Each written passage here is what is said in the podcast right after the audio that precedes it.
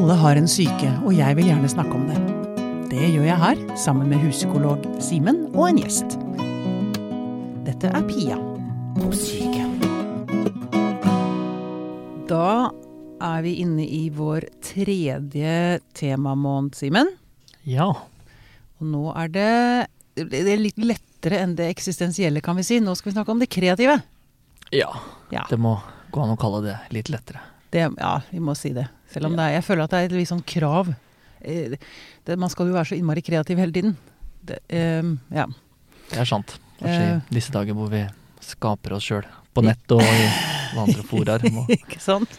Content creators. Content creators, ja. Anyway, nå skal vi altså lage noen episoder på kreativitet. Og den første gjesten vår, hun heter Hilde Østeby. Velkommen hit. Tusen takk. Du har nettopp kommet ut med boken som faktisk heter Kreativitet. Jepp. Så du må kalles en, en slags ekspert på denne tematikken. Ja, jeg kan kanskje Ja, si det. Veldig bra. Det er veldig bra. Eh, Jeg må bare si undertittelen også. 'Hjernevitenskapen bak ideene og hvorfor dagdrømmerne skal redde verden'. Det er en veldig vakker tittel. Mm. Takk. Du ble eh, veldig inspirert av eh, Alice i Eventyrland. Det ser, jo, ser man jo på coveret. Ja. Ja. Eh, kan ikke du fortelle bare litt hvorfor, hva, var det ved, hva er det ved Alice som du syns er så fascinerende? Eh, Det er jo en av mine favorittbøker gjennom tidene. Og så var det Når jeg jobba med stoffet, så ble det klarere og klarere for meg at det var noen ting jeg kunne bruke i Alice in Wonderland, og som hadde direkte med kreativitetens vesen å gjøre. Eh, vi er selvfølgelig alle Alice. Vi er nysgjerrige og ser etter eh? Når vi ser et hull, så vil vi heller hoppe ned i det enn å unngå det, da. Eh, forskning på, på nysgjerrighet viser at eh, når vi blir forelagt eh, to ansikter, eh, et kjent og et ukjent, så vil de fleste velge det ukjente ansiktet, selv om de ikke er noen premie involvert i det. Så vi er veldig nysgjerrige av natur. Ja, det har jeg aldri Eh, hørt før, at vi velger det ukjente. Det, det trodde jeg faktisk var stikk motsatt, at vi Nei. valgte det kjente. Vi velger det kjente hvis vi er i en veldig utrygg situasjon. Eh, Mm. Og derfor skriver jeg veldig mye om stress og eh, trygghet i boka om kreativitet. For skal vi være ordentlig kreative, så må vi sette opp en slags vollgrav rundt oss selv og passe på å skape en sånn trygg ramme for Mm. oss selv. For å våge å utforske rare og nye ting. Det krever litt mot. Um, så det uh, er Alice. Og så uh, skriver jeg om uh, aha-opplevelser og ideer. Og de kommer jo til oss med et smil. Forskerne har faktisk eh, til og med sett at når vi får eh, kontrollerte aha-opplevelser i eh, et lab, så rykker det litt i smilemuskelen vår. Eh, For det er så deilig. Og det, vi kan jo snakke om hvor viktig sånn dopamin er for å liksom forklare noen ting, men Mm. forskerne kan i hvert fall se at vi får et, et lite rush av dopamin når vi løser oppgaver og får en sånn såkalt aha-opplevelse, som er en følelse av sånn økt flyt og forståelse, ting faller på plass. Så det er definitivt filurkatten. Ja. Det skjønner man jo. Og så skriver jeg den indre kritikeren, og den indre kritikeren er jo noe av det verste for alle oss som driver og jobber kreativt. Jeg er jo forfatter på heltid, så den indre kritikeren min, den må jeg ha eh, kontroll på. Ellers så Mm. får jeg ikke gjort noen ting. Mm.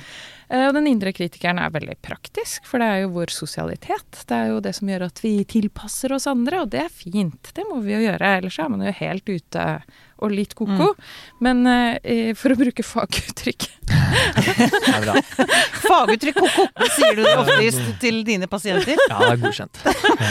Det er Men, bra. men den indre kritikeren er nok antageligvis det som gjør at veldig mange eh, stopper seg selv fra å være kreative. Eh, den indre kritikeren vil si det der var dårlig, og du gjør en skikkelig dårlig jobb nå, og Mm. det gjør at vi holder oss selv tilbake, og det jager oss selv inn i en stressreaksjon. Ja.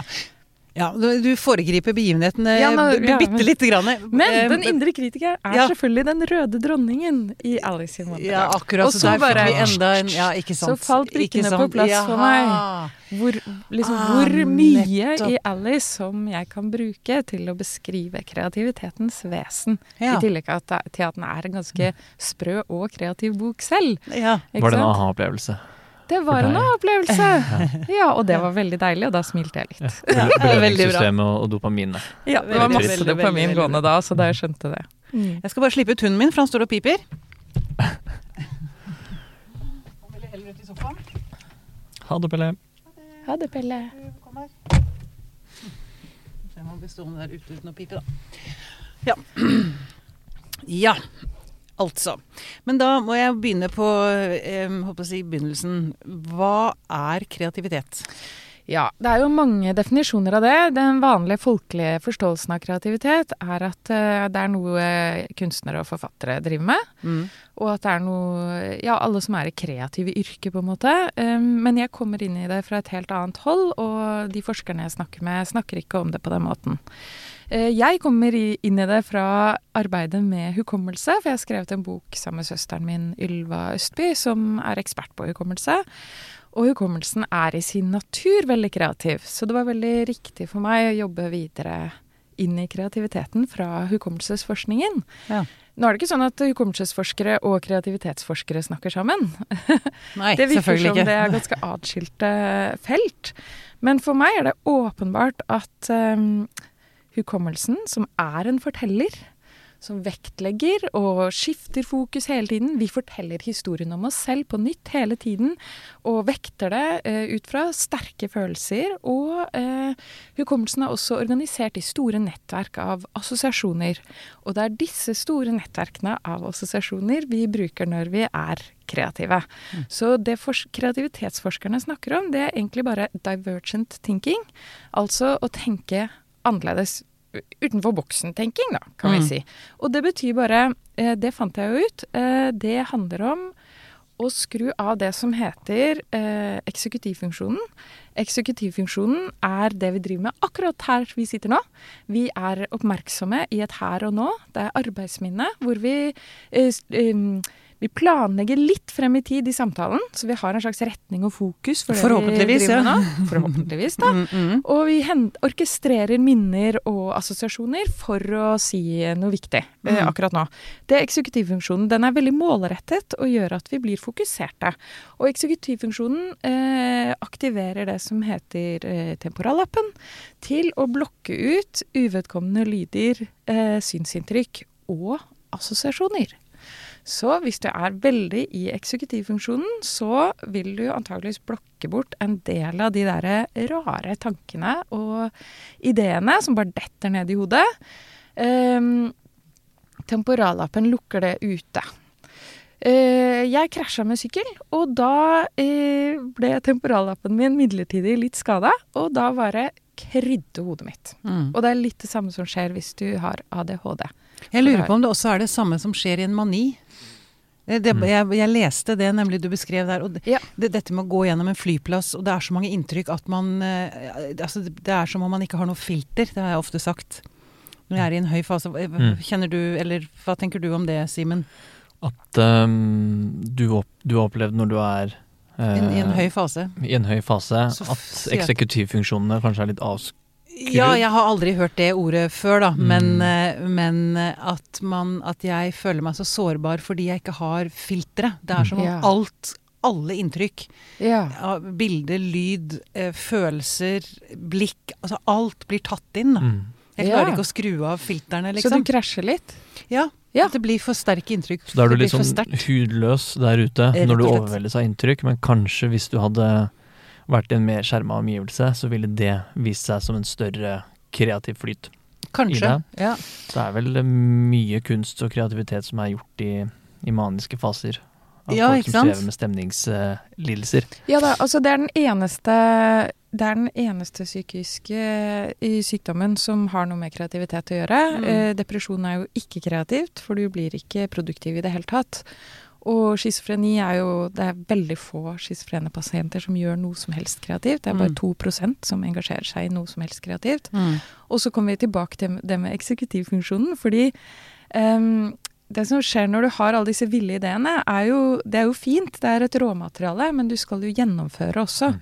Og da kommer eksekutivfunksjonen inn, for du må jo ha en eh, ikke sant, stram organisering og en retning og evne til gjennomføring, Mm. som du ikke får når du er i denne ville tankeflyten, da, og som eh, som forsk altså hjerneforskere kaller for dagdrømmemodus. Altså der hvor du bare assosierer fritt og er i en sånn vill eh, idémyldring. Eller det er jo det vi gjør når vi bare går ned gata og bare hum-di-dum. Mm. Tenker Mm. på litt av hvert, på en måte. Mm. Det er jo en myte, da, som kanskje må litt til livs. At, den, eh, at en lidelse er en slags premiss for å kunne være veldig kreativ. Ja, Ja. altså det er noe av det viktige jeg gjør i boka mi, Mm. er å ta rotta på hele den eh, myten om det kreative geni. Jeg er eh, egentlig idéhistoriker. Jeg har bare lurt meg inn i psykologien eh, ad bakveien, altså via min søster. Men eh, eh, jeg har jobbet spesifikt med myten om det kreative geni, som oppstår på 1400-tallet i Italia. Eh, og som fikk skikkelig fart da, med sånn lord Byron og Goethe og sånn. Og de var jo eh, lord, eh, Goethe kan ha hatt en type depresjon, eller vært Jeg er ikke sikker på om han var liksom vagt eh, bipolar, da. Mm. Men i- mange hadde jo en type lidelse, eller de drakk altfor mye, som også kan, ikke sant eh, føre til at du blir veldig eh, Har sånne store humørsvingninger. Em, veldig mye av det her er jo feil. Altså produktiviteten når du er psykisk syk er ikke stor. Nei. Får ikke gjort Og så mye. Du får Nei. ikke gjort så mye. Alkohol er veldig negativt for hjernen. Du kan drikke ett glass vin, og det vil antagelig slå eksekutivfunksjonen din litt. Mm. Så det er det mange liker, da. ikke sant? De tar det ene glasset med vin, og så føler du deg litt sånn løssluppen. Og du får flere ideer da. Men den forskningen jeg så på, viser at det ene glasset med vin eh, ikke gjør deg mer kreativ, men gjør at det er mye lettere å ta et glass til. Så det er en prediktor for ja, eh, hvor fort det virker. Det er en prediktor også, for alkoholavhengighet. ja, og så kan man kanskje føle seg mer kreativ, men man er det faktisk ikke. Ingenting av det jeg skriver eh, hvis jeg har drukket, er eh, Nei, ikke sant. særlig bra. Nei. Så det ville jeg ikke gjort. Og så er det det der med det ensomme geni, altså at du er ensom. Eh, det med geni kan vi jo ta med en gang. Altså, det er jo noe forskning som er gjort på eh, musikkstudenter. Og de lærerne til disse musikkstudentene skulle peke på hvilke av dem som de trodde ville bli profesjonell musiker Mm. som stor og, og stor og voksen, og um, ingen av dem hadde rett. Og grunnen til det Mm. var at de pekte på de barna de mente hadde størst talent. Men talent har ikke så mye med uh, dette å gjøre. Det er arbeidsevne Evne og og driv vilje. og vilje Mm, og mm. retning, og det er jo det vi snakket om Ja. i stad, men som på et sånt, i et livsløpsperspektiv er litt mystisk, da. Hva er det som gjør at du Altså, jeg eh, er veldig habil sanger, og jeg kan tegne.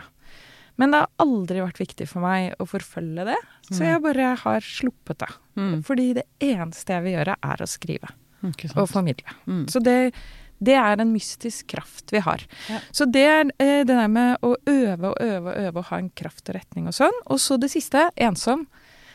Eh, det er jo ikke noe vits å formidle noe hvis du ikke skal formidle til noen. Så eh, jeg hevder i boka at eh, kreativiteten har mye mer med vennskap og kommunikasjon å gjøre enn det har med det ensomme geni å gjøre. Ja. Og det er viktig at folk vet dette, fordi særlig denne kunstnermyten er veldig skadelig. Det er skadelig at folk tror de må være psykisk syke for å skape noe. Det mener jeg. eh, Eller alkoholikere eller eller alkoholikere, eller at de må være ensomme. Fordi Eller at de må Altså at um, Eller at det er forbeholdt menn, for det er jo menn som har skapt denne myten. Det er ingenting i mitt materiale som tyder på at kvinner er mindre kreative enn menn eh, da.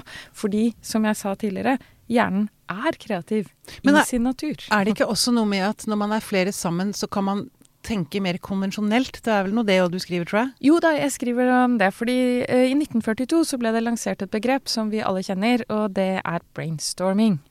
Det var en fyr som het Alex Osborne som eh, fant på dette ordet, og han lærte det bort på skoler i hele USA utover på 50-tallet, så det ble veldig populært. Mm. Eh, og forskninga på brainstorming viser at eh, ja, man får ideer og sånn, men man får jo mye mer konvensjonelle ideer. Og det går jo tilbake til det jeg sa om den indre kritikeren. Eh, altså, vi tuner oss inn på Mm. det andre mener og føler, Mm. eh, og vi tør ikke å gå like langt eh, med vår egen tankestrøm. Eh, for det jeg fant ut, var at Jeg har jo intervjua kanskje 40 kreative folk til boka, eh, som har, alle har sin forskjellige metode, som jobber veldig tidlig om morgenen, veldig sent om kvelden. Eh, noen liker å gå ski, noen går tur. Eh, noen drikker alkohol, noen drikker aldri. Eh, altså det er eh, utrolig mange forskjellige metoder for hvordan man kan jobbe kreativt, fordi hjernene er veldig forskjellige. Og vi har forskjellige preferanser da, for hvordan vi skal jobbe. Og, men det er vel en del kunstnere også som har gjort sitt for å um, forsterke den type myter sjøl, som liksom har bada seg litt i det. Jeg, når jeg var på Jeg husker det var den utstillingen med, med Munch og van Gogh på Munch-museet. Og eh, noe av det som eh, vises veldig sterkt der, er jo deres tanker om at livsangsten og eh, det fæle i livene deres, det er de takknemlige for, fordi de Ja. ser det som drivkraften i sin kunst, da. Ja, altså eh, Dere snakket i stad om at det er, dette er et lettere tema og ikke så eksistensielt. Men jeg, men jeg mener jo virkelig helt på ordentlig Vi skal ikke bade i den med særen og sånn. Mm. Men jeg mener jo helt på ordentlig at kreativiteten er livsviktig, og at det er vår måte å forstå verden på, og gripe og holde fast i verden på. Det er et antidepressiva, det mener jeg virkelig. Fordi depresjon gjør at alt blir liksom vagt og grått og generelt. Eh, og det gjør også at vi har vanskeligere for å lage fremtidsvisjoner som er detaljerte og vakre. Og at um, eh, jeg går inn i det for, eh, forskningsfeltet som heter biblioterapi, hvor de bruker bøker som antidepressiva. Eh, undersøker hagebruk og det å gå tur i skogen. Det er mange av de tingene som har med lykke lykke å gjøre, som har med det kreative mennesket å gjøre. Ja. Akkurat som depresjon tar bort kreativiteten, Mm. så er det når vi virkelig er trygge og glade at vi knytter oss til verden ved hjelp av fortellinger. Og det er så viktig at når vi mister de fortellingene, så kan man miste en type mening og retning. Ja. Eh, og da står du der uten noen ting. Og det, det er begynnelsen på en depresjon, da. Ja.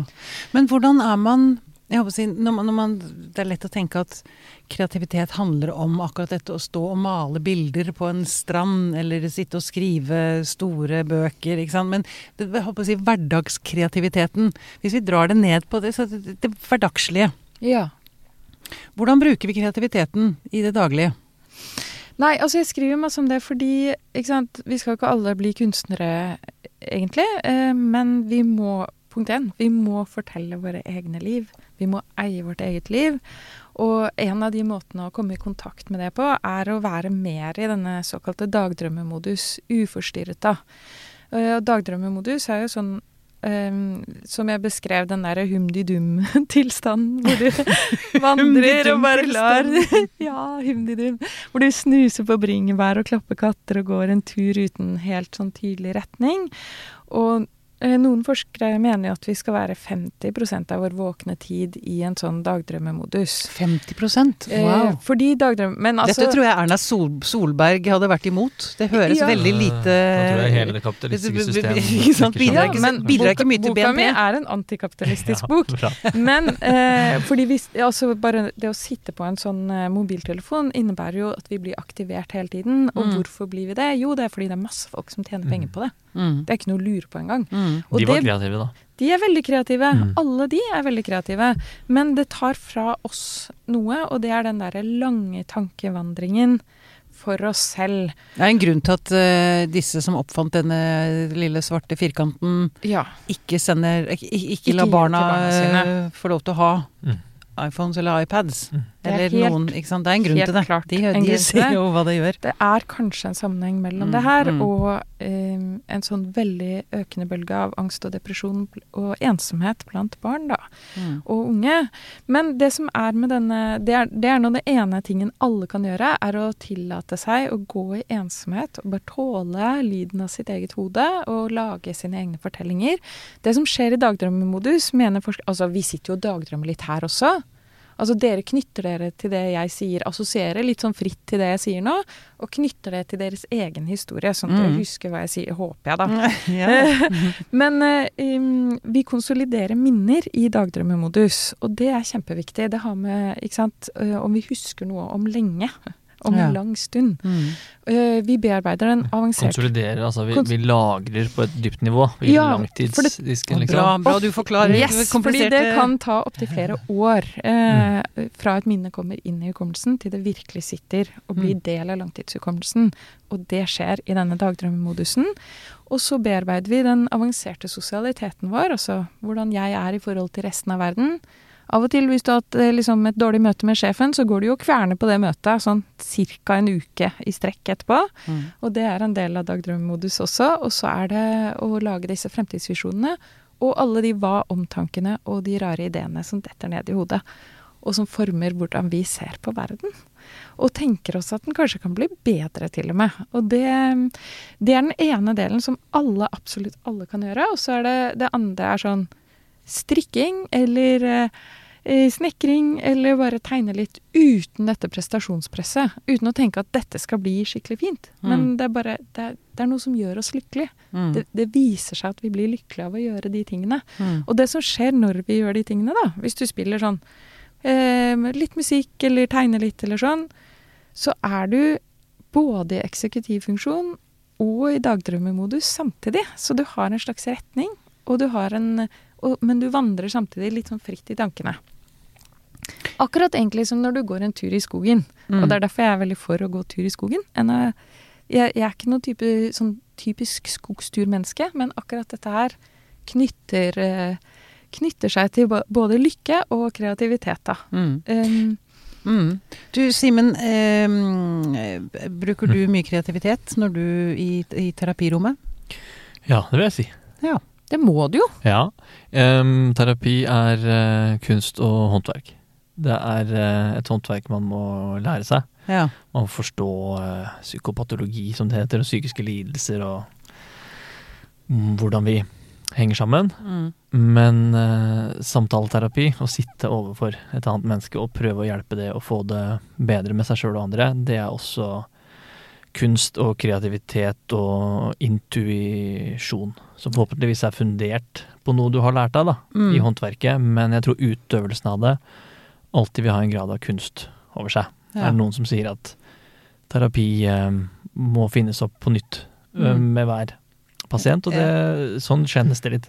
Ja, og jeg tenker jeg lurer på om pasienten også må være litt Eller hvis pasienten ikke har noe kreativitet, så er det veldig vanskelig å komme noen vei. Ja. Kan det stemme? Og det, Det er stemme- Hilde forklarte så fint i stad, det Mm. med hvordan tryggheten er et uh, grunnpremiss for å kunne være kreativ. Så da er det viktig for deg som, uh, som kliniker å lage en, en omgivelse som, som kjennes trygg Mm. og forutsigbar, og at det du kommer med, en assosiasjon eller et minne eller en kanskje en ny, uvant tanke, Mm. kommer til å lande godt, da. Ikke Ja. bli møtt med kritikk eller fordømmelse eller eh, noe skaminduserende. Jeg kjenner, jeg kjenner det jo som eh, Jeg er jo gründer og har starta, investert i nytt studio og sånn, og all den skrekken som har ligget i det økonomiske. Får jeg dette til å gå? Jeg merker hvor lite kreativ jeg har vært i det Mm. siste, fordi jeg har vært så utslitt av frykt. Og det er helt, For det neste spørsmålet mitt nemlig Mm. er mm. hva er det som altså Frykt må vel være noe av det mest hemmende for kreativiteten? Eh, Definitivt. Så jeg skriver jo ganske mye om eh, Det er to, to systemer, da. Eh, eh, det parasympatiske og det eh, sympatiske systemet. Og det sympatiske er et veldig usympatisk system. Okay. for da er du stressa. Hvorfor, hvorfor skal det være så ulogisk? Ja, det er veldig ulogisk. Eh, det er et nervesystem eh, som er der for at vi skal overleve i en eh, krisesituasjon, eller sånn som nå når du bare skal virkelig sette alle kluter til og reise, få noe opp og stå. Mm. Eh, eller hvis du møter en løve, eller hvis du er omringet av en skogbrann eller noe ordentlig farlig. Da skrur det sympatiske systemet seg på. Mm. Eh, og det gjør at du blir ganske ukreativ, for du eh, vil forsøke å bare komme deg ut av den situasjonen med de kjente virkemidlene du har. Du tester ikke en ny løsning da, når du er i livsfare. Em, eh, du blir, så du blir ganske ufleksibel, og em, du får litt tunnelsyn. Så Mm. du blir ekstremt i eksekutivfunksjonen og veldig lite i sånn fri assosiasjonsmodus. Og Ja, altså disse tankene som kveler og kveler og kveler om det samme om igjen, om igjen, om igjen, om igjen. Om igjen. Prøver å finne en løsning, men det finner jo ingen. Altså, Ja, altså Mm. det kan Det er, kan være det at det har noe med eh, en type sånn ekstrem stressreaksjon å gjøre. At du går inn i en sånn kverning, da. Mm. Ja, og nå skal, vi Eh, snakke som- om meg, jeg beklager. Nå Nei. brukte jeg dere to som sånn privat terapitime her. Ja, det er koselig. Det er Det er, ja, det er kjempekoselig. det her. Jeg har ikke råd til å kjøpe terapi, så jeg må invitere folk i studio istedenfor. Glad for å være til hjelp. Så derfor så skriver jeg veldig mye om det. Om stress og, og ikke-stress. Og ikke-stress er det parasympatiske systemet, og det er skikkelig fint. Der har du lyst til å være, for det er humdidum. Det er snuse på bringebær og klappe katter og dele fortellinger rundt et bål. Og det er kjærlighet og dans og sex og vennskap. Ja. Ikke sant? Så Det er vi for. felles, Ja, det er fellesskapets uh, nervesystem. Mm.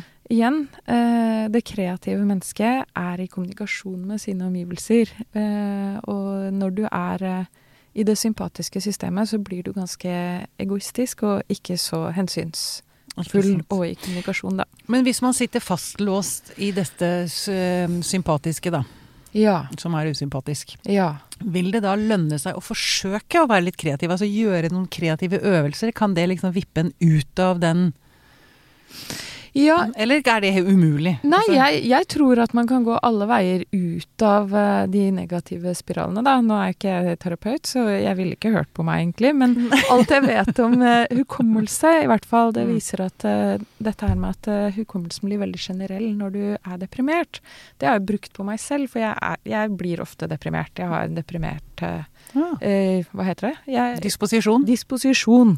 Så jeg blir lett deprimert. Så jeg bruker Instagram for å gjøre meg selv mindre deprimert. Jeg tar bilde av vakre ting. Mm. Veldig detaljert. Og akkurat som med biblioterapi, hvor du går inn i andre menneskers hoder og ser verden fra mange vinkler, eh, som jo også er en måte å komme ut av en depresjon på, mener jeg. Mm. Eh, det å se at verden er mye større enn din bitte lille eh, mørke flekk, da, ikke sant. mm. Det, det Biblioterapi virker ikke på lang sikt. Altså, det er ikke sånn én bok Du leste én bok, og så ble du frisk frisk, for alltid. Mm. Men du må jo bare lese masse bøker, da. Det er jo Mm. ikke noe problem. Og det er jo en, en masse kreative terapiformer. Altså bildeterapi og musikkterapi Mm. Ja. som har beviselig har, eh, har noe effekt, da. Ja, ja, ja. Mm. Og eh, det er jo noe kurativt i det å eh, klare å sette det indre liv ut i et uttrykk. Kanskje hvis man har et indre liv som ikke så lett settes ut i ord, f.eks. Når ting er mer eh, abstrakt. At man kan eh, sette det ut i et annet uttrykk, f.eks. et bilde eller et eh, Mm. stykke musikk. Mm. Eller sånne ting.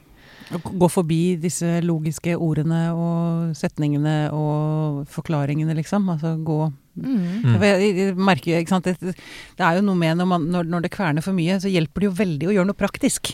Ja. Ta ut oppvaskmaskinen kan plutselig også nesten føles litt kreativt. Ja da. Og så øh, bare det å være i bevegelse, for hjernen er Ja. en del av kroppen. Vi lever jo i et øh, vi lever jo i en postkartesiansk tid, som betyr at vi eh, ser på kroppen som atskilt fra sjelen.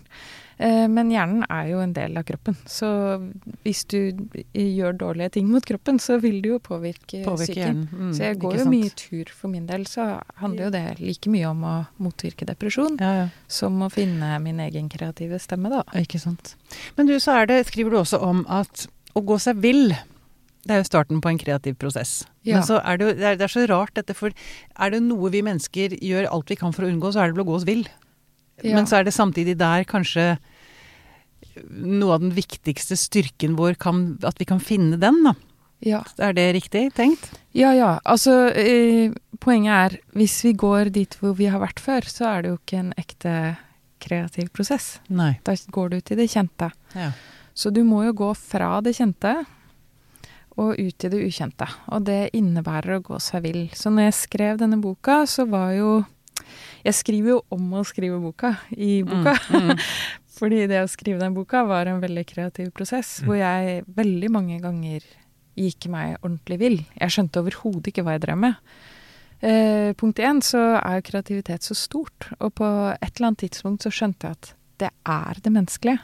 Det er menneskets natur. Vi er sånn at vi liker å skape problemer og løse dem uten at noen har spurt om det engang.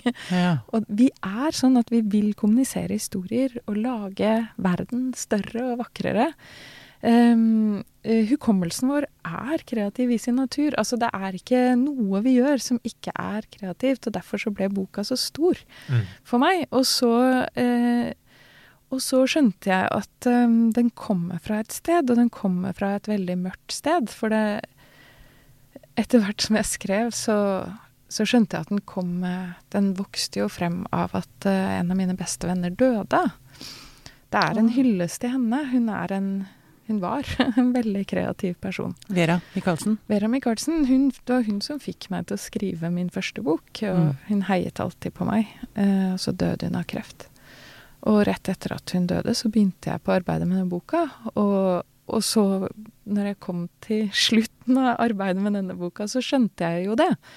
At uh, Punkt én, at jeg måtte gå meg vill så mye for å finne ut de tingene jeg fant ut. For jeg Mm. fant ut masse ting jeg aldri hadde trodd jeg skulle finne ut. Og så fant jeg ut at også døden har noe med kreativitet å gjøre. Fordi idet noen dør, så Eller du opplever et annet type meningstap, da, stort meningstap, så er du helt nødt til å skape verden på nytt. Så for Mm. meg så falt en bit av livet mitt bort, og så måtte jeg bygge noe rundt det. Mm. Og det er en kreativ prosess, det òg. Ja. Mm. Så det å gå seg vill ja, Det er mange som snakker om det i boka mi. Har, det er mange andre enn meg som har snakket om det før. Men, men det ble veldig sånn helt uh, på kroppen tydelig for meg ja. uh, gjennom denne prosessen, da.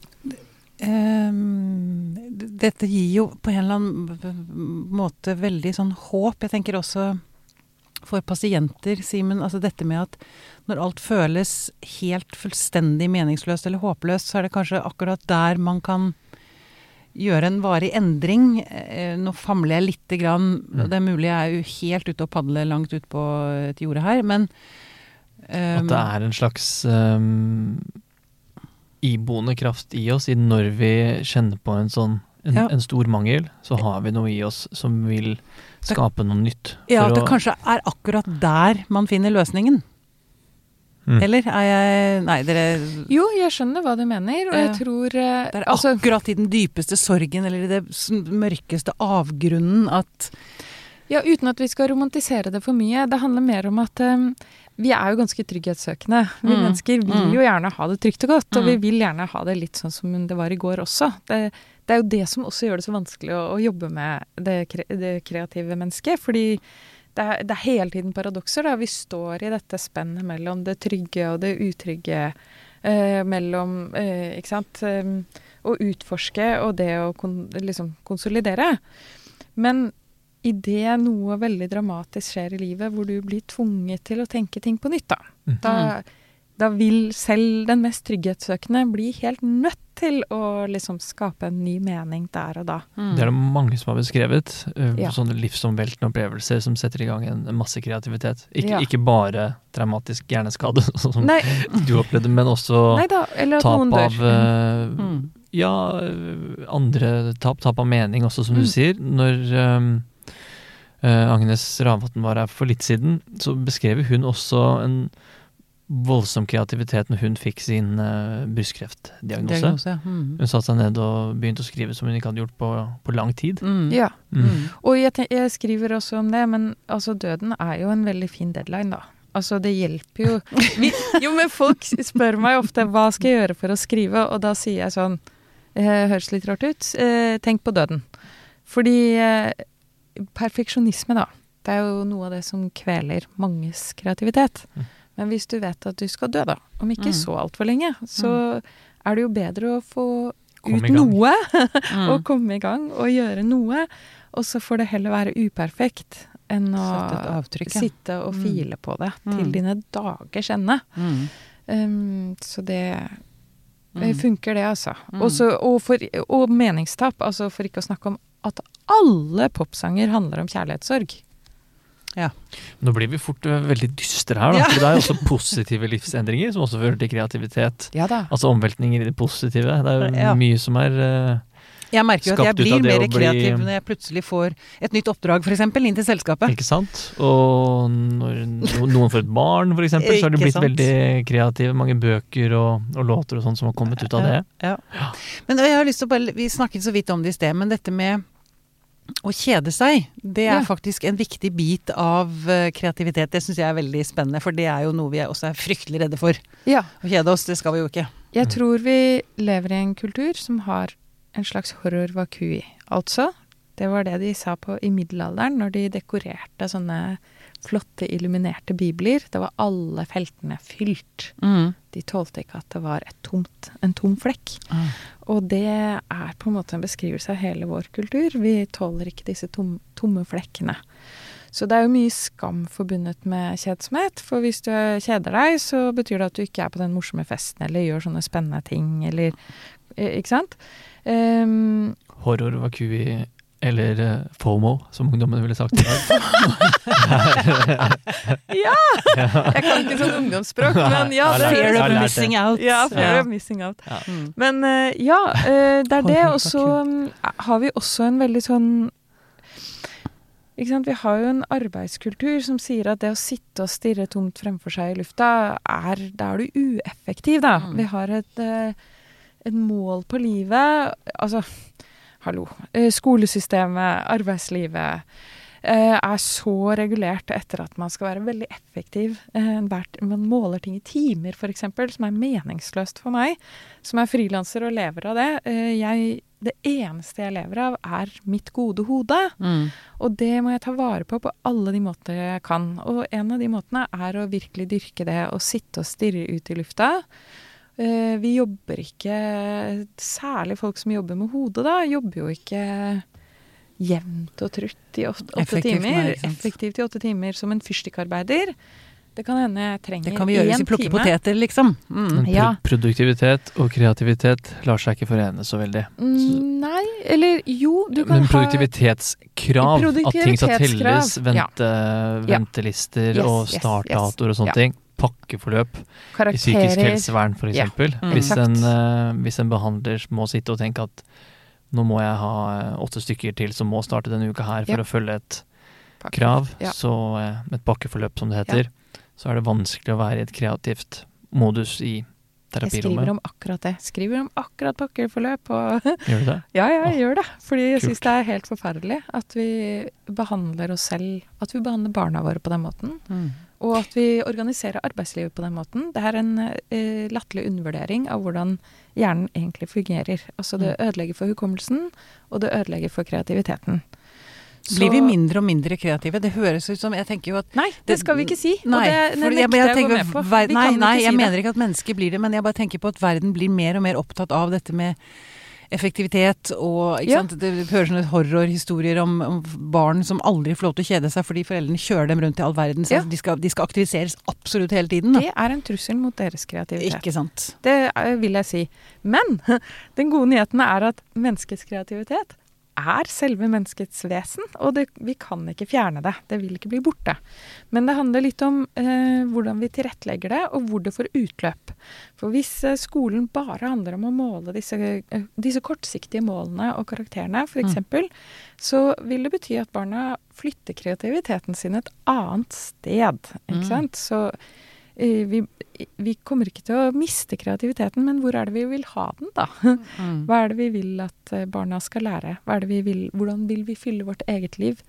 Um, men denne kjedsomheten er ekstremt viktig som selve kilden. Det er selve kilden til det kreative arbeidet. Det er klart det er kunnskap. Du må ha store kunnskaper. Og her kommer vi til det kreative geniet igjen. Eh, Det kreative geni er liksom Det er Mozart, ikke sant, som bare detter ut i verden og skriver symfoni med lillefingeren. Mm. Um, men vi må ha kunnskap for å kunne lage spennende ting. Mm. Og så må vi tåle å gå oss vill, og så må vi tåle denne tomheten, Mm. denne kjedsomheten. Mm. Og fra det så kan det vokse store ting, da. Og da bør vi jo tilrettelegge for det i, rest, i liksom arbeidslivet, i skolen etc. Mm. Eh, og akkurat nå tenker jeg at politikere de, de kan umulig vite noe som helst om hvordan barns hjerne fungerer, f.eks. når de organiserer skolen på den måten de gjør. Mm. For det, er, eh, den type stress er dårlig både for hukommelsen og kreativiteten, da. Mm. Mm. Og du, du tenker jo Eller eh, når du sier at dagdrømmerne er de som kommer til å redde verden Ja. kan, kan ikke du ut, utdype det litt mer? Altså, Ja. Du har jo snakket om det, men, eh, for du trekker jo også inn miljøvern her. Maja Lunde er en du har intervjuet. Ja. Mm. Um, ja, nei, vi har jo snakket litt om dagdrømmemodus. Uh, kjedsomheten er døra til dagdrømmemodus. Eh, punkt én, vi bør jo ha hvile og være sånn parasympatisk modus. Og eh, vi bør forfølge rare tanker dit vi ikke trodde de skulle ta oss. Hvis vi skal løse eh, klimaproblemene, så er vi helt nødt til å sant, tåle å være i dette uvisse. Fordi vi skal løse noe veldig veldig stort sammen. Mm. Og ikke på en diktatorisk måte. Det skal ikke være én person som bare løser hele klimakrisen for oss. Eh, Det er en diktatorisk løsning. Det er ingen som tror på det. Så vi må ha veldig mange rare, gode ideer som er langsiktige. Altså vi skal ut av et brennende hus, eh, klimakrisen. Vi skal ut av et brennende hus uten å ty til konvensjonelle metoder, for det er de som har brakt oss inn i det brennende huset.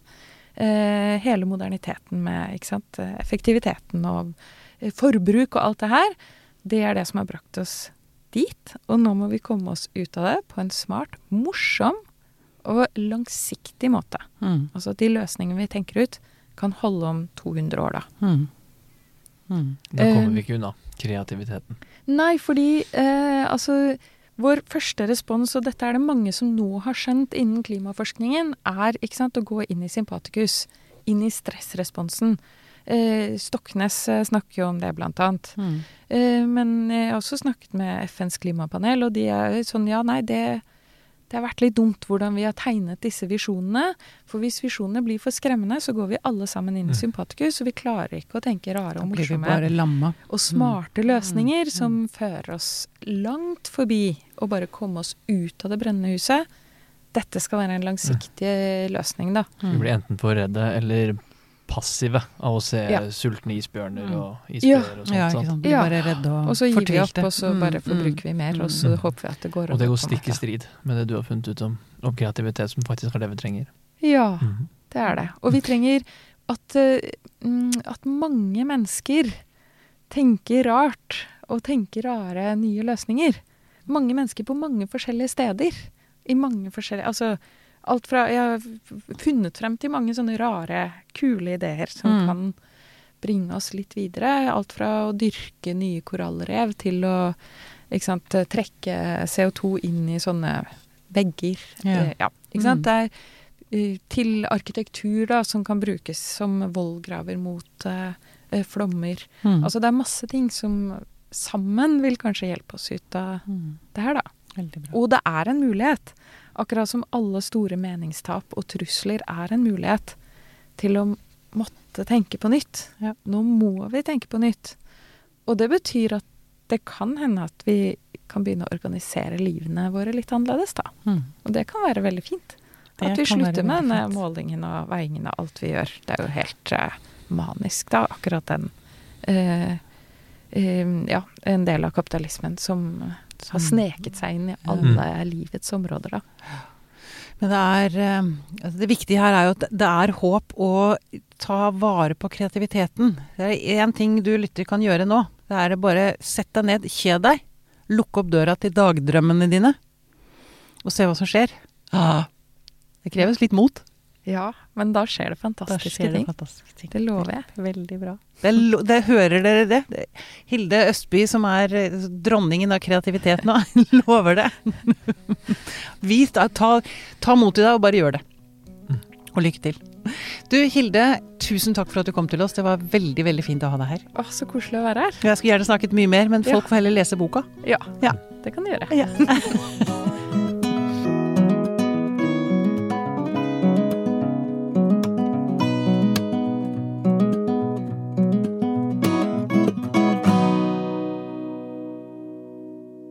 Podkasten er produsert av Tid og Lyst. med støtte fra stiftelsen Kåre Berg.